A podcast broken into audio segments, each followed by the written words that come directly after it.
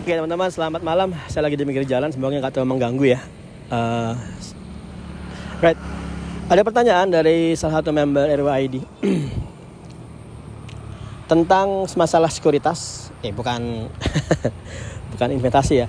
Masalah keamanan dalam kejar remote.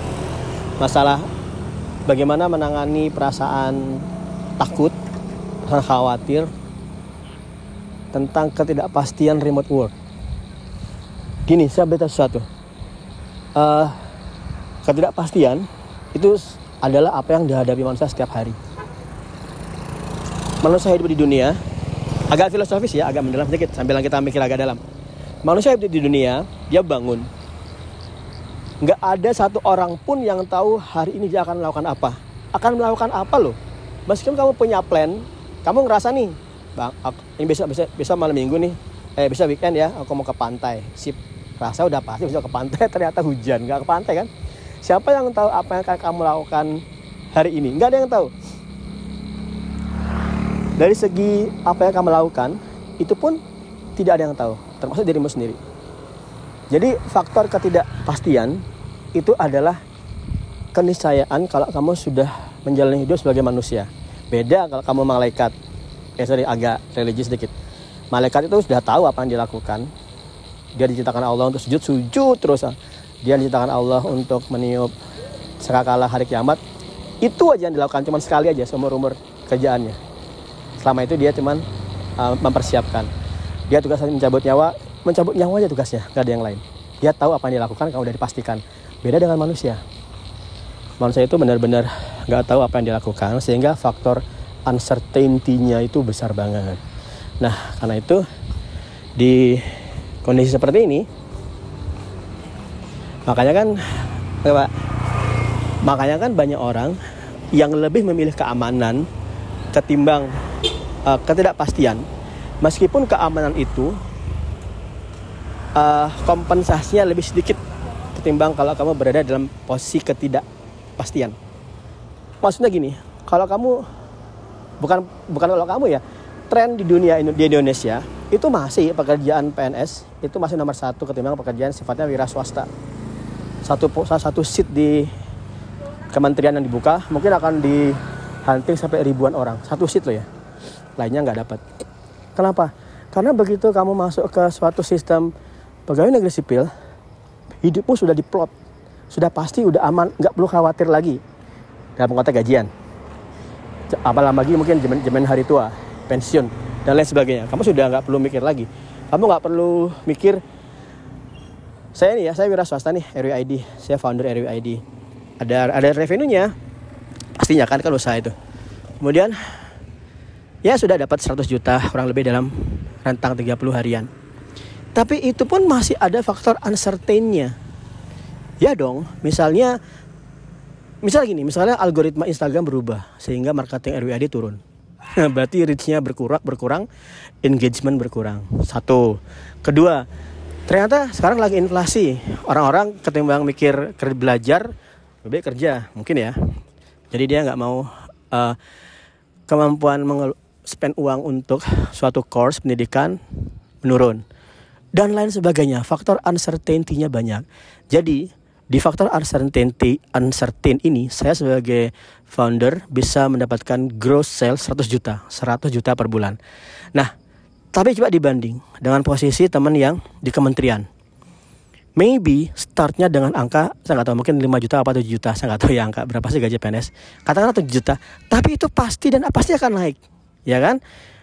Apa pun yang kamu lakukan, asal nggak ngaco aja, asal nggak melakukan tindakan korupsi, asusila segala macam yang uh, itu ada uh, kompensasi hukumnya, kamu pasti akan terjamin 7 juta per bulan selama-lamanya sampai kiamat. Sampai kiamat sampai kiamatmu sampai sampai akhir hayatmu.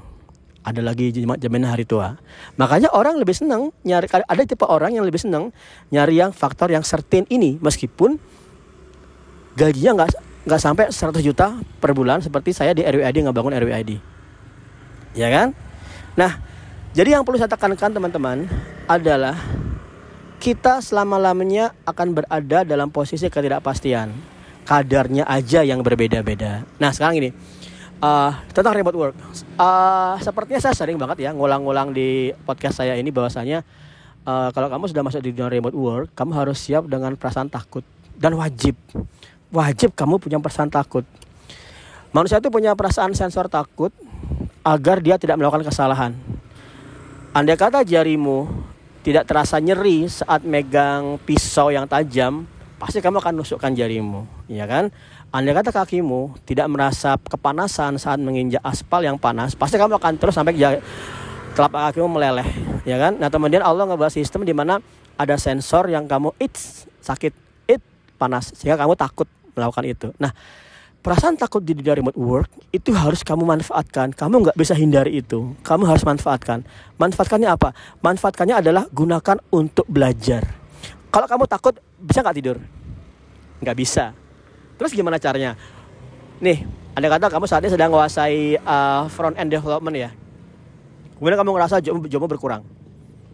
Kamu takut. nggak akan kamu nyenyak tidur ya tuh nggak akan. Terus gimana? Bangun karena ketimbang kamu tidur malah kepikiran bangun riset hal yang baru yang kamu tahu demandnya tinggi. Contoh, UI front end itu ngebangun codingnya pranya adalah sebelumnya adalah ngebangun desain dengan UI UX. Oke, okay? kalau kamu punya perasaan takut reference endmu berkurang, ya udah pelajarin UI UX. Pelajarin, ikutin pola RWID. Udah hunting job. Akibatnya apa? Akibatnya aja chance kamu dapat job di UI UX dan front end bertambah, ya kan? Sorry, chance kamu dapat remote work bertambah karena kamu punya skill yang bertambah. Itu perbedaan kita dengan dengan teman-teman yang bekerja di dunia yang fix di kantor atau di sebagai PNS. Teman-teman di PNS nggak mungkin nggak perlu melakukan improvisasi, inovasi, upgrade skill yang tinggi-tinggi. Kenapa? Karena udah dijamin. Tapi tentunya ada ada kompensasi terhadap upgrade skill di teman-teman yang PNS ya, kenaikan lebih cepat dan lain sebagainya. Nah, jadi gini, dalam konteks yang empiris yang bisa dilihat, diukur, teman-teman yang kerja remote work kalau punya perasaan takut pekerjaannya berkurang maka diversifikasi skillmu. Jangan pernah mematok dirimu hanya belajar satu skill. Gak boleh. Gak boleh. Ah, aku mau scraping aja. Jangan, jangan. Kalau scraping nurun gimana? Atau kamu jenuh sama scraping gimana? Pindahin ke backend development misalnya.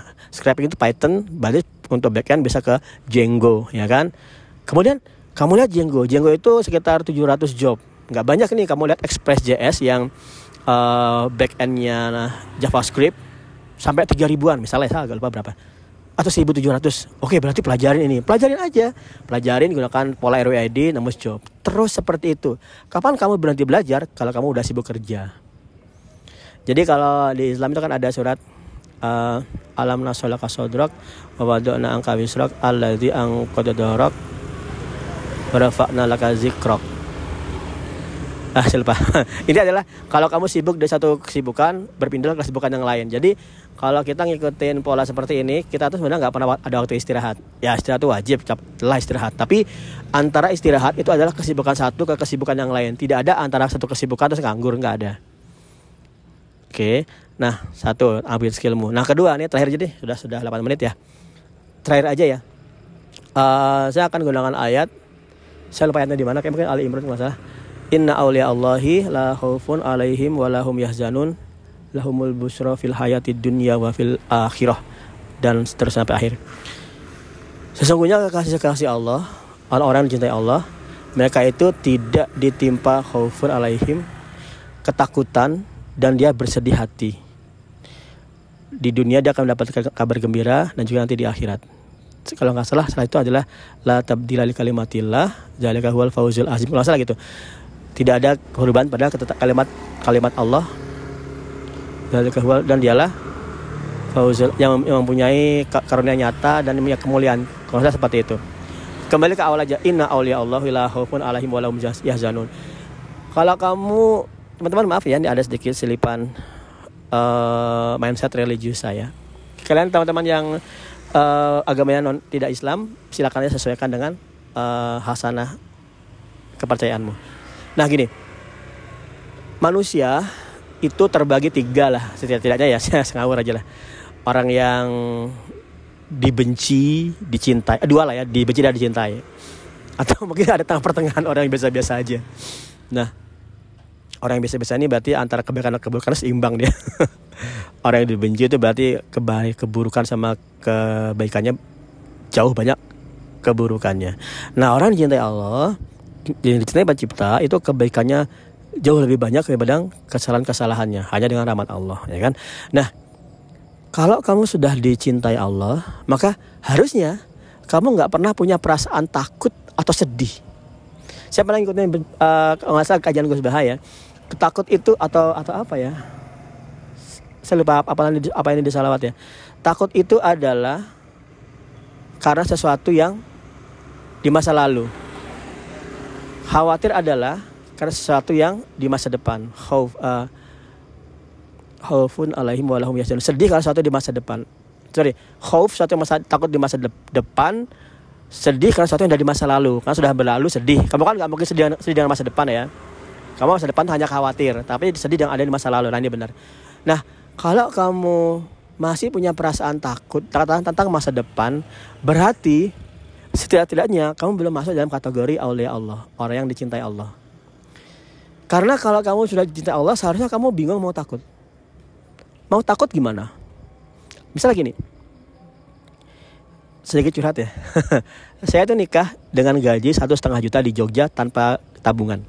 Kamu bisa nggak bayangin? Nggak punya tabungan, gaji satu setengah juta, berani nikah. Coba direnungkan dulu. Bujangan sudah kerja, gaji satu setengah juta, berani nikah. itu saya tahun 2005. Saya nikah dengan kondisi seperti itu. Kenapa? Saya nggak tahu kenapa karena uh, saya nggak punya perasaan takut kenapa? Karena ya satu setengah juta cukup lah. Mau apa sih wong uh, apa namanya kontrakan setahun ngobrol-ngobrol sejuta ya kan? Makan hitung-hitung saat itu lima ratus ribu setahun di sebulan bisa. Bisa banget. Ya udah ngapain lagi? Nikah aja ya kan? Terus khawatir nggak? Ya ngapain khawatir? Ya buat apa khawatir? Uang yang penting saya bisa bertahan hidup satu bulan. Ingat ya orang miskin di Islam itu bukan orang yang nggak punya apa-apa loh ya. Kalau dia bisa bertahan hidup tiga hari, dia udah kaya. Oke, saya tunggu sampai azan dulu ya, Nanti kita lanjutin lagi. Oke, sehingga uh, perasaan khawatir tentang masa depan itu harusnya kamu patahkan dengan perasaan kita bisa mati kapan aja.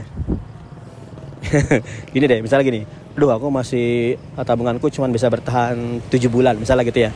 Kemudian gajiku yang biasanya 15 juta sekarang cuma 7 juta. Aduh ntar gimana nih ya nanti? Gak usah gitu deh. Kamu bisa mati sekarang dan kamu gak akan ada artinya gajimu bulan depan 50 juta atau 30 juta karena kamu udah mati sekarang. Seharusnya gini perasaan takut di manusia angan-angan ketakutannya di masa depan kepanjangan terlalu panjang angan-angan manusia itu terlalu panjang. Kan ada Rasulullah pernah mengatakan suatu, suatu hadis yang sangat populer ya. Suatu kota titik lingkaran. Titik itu manusia kota itu adalah kehidupannya. Garis yang melewati kota itu adalah angan-angannya. Jadi angan-angan manusia itu yang biasanya bukan biasanya selalu di luar batas kematiannya. Itu seharusnya bisa ngebuat kita nggak perlu khawatir tentang masa depan Kecuali, nah kecuali ini. Kecuali kamu punya hutang yang belum tuntas baru kamu wajib khawatir. Saya ini punya hutang nih. Ya mungkin hutang saya lunas tahunan lagi. Sekarang saya khawatir. Eh, ya nggak khawatir tapi ada pertimbangan-pertimbangan uh, ekonomis bahwasanya kalau saya mati sekarang nanti yang akan rep ya enggak sih karena kan hutang saya pakai bank ya bank syariah kalau saya mati maka bank itu akan menganggap utang saya lunas. Kalau mati saya normal ya, bukan bunuh diri, itu lunas. Jadi aman sih. Kalau kamu pengen berhutang yang aman, itu adalah berhutang di bank yang cari yang syariah aja. Mungkin teman-teman bilang, ah lebih baik gak berhutang. Ya iya, lebih baik gak berhutang. Tapi memang kamu punya kebutuhan suatu perhitungan, maka berhutanglah di bank syariah. Agar kalau kamu mati, hutangmu lunas, dilunasi oleh suatu pihak asuransi. Itu pasti saya baru nyadarin ini saat ada kerabat yang meninggal masih usia muda baru ngambil mobil satu bulan meninggal udah sama-sama banget dilunasi bang syariah dilunasi Bayangkan kalau kamu ngutang, ah daripada ngutang di bank, aku ngutang ke saudaraku aja. Saudaramu yang kerepotan, ya kan? Ngutang ke teman aja, temanmu yang kerepotan. Masa nagihnya orang udah mati? Kan nggak ada jaminan asuransinya. Oke, nah gitu. Dari dari dalam dalam konteks kekhawatiran, kamu boleh khawatir kalau kamu punya hutang yang bukan yang nggak ada jaminan dilunasi kalau kamu udah mati. Tapi kalau kamu nggak punya utang, tabunganmu ada, bisa bertahan, gajimu masih lebih dari UMR. Setelah hitung-hitung matematis, kamu nggak boleh khawatir. Oke, tapi kekhawatiran ada. Nah, berarti kembali kayak tadi, perbaiki hubunganmu dengan yang di atas, sampai kamu mencapai, sampai pas khawatirmu itu hilang. Kalau khawatirmu hilang, Semoga kamu benar-benar sudah dikategorikan oleh Allah sebagai aulia Allah. Kasih kekasih Allah.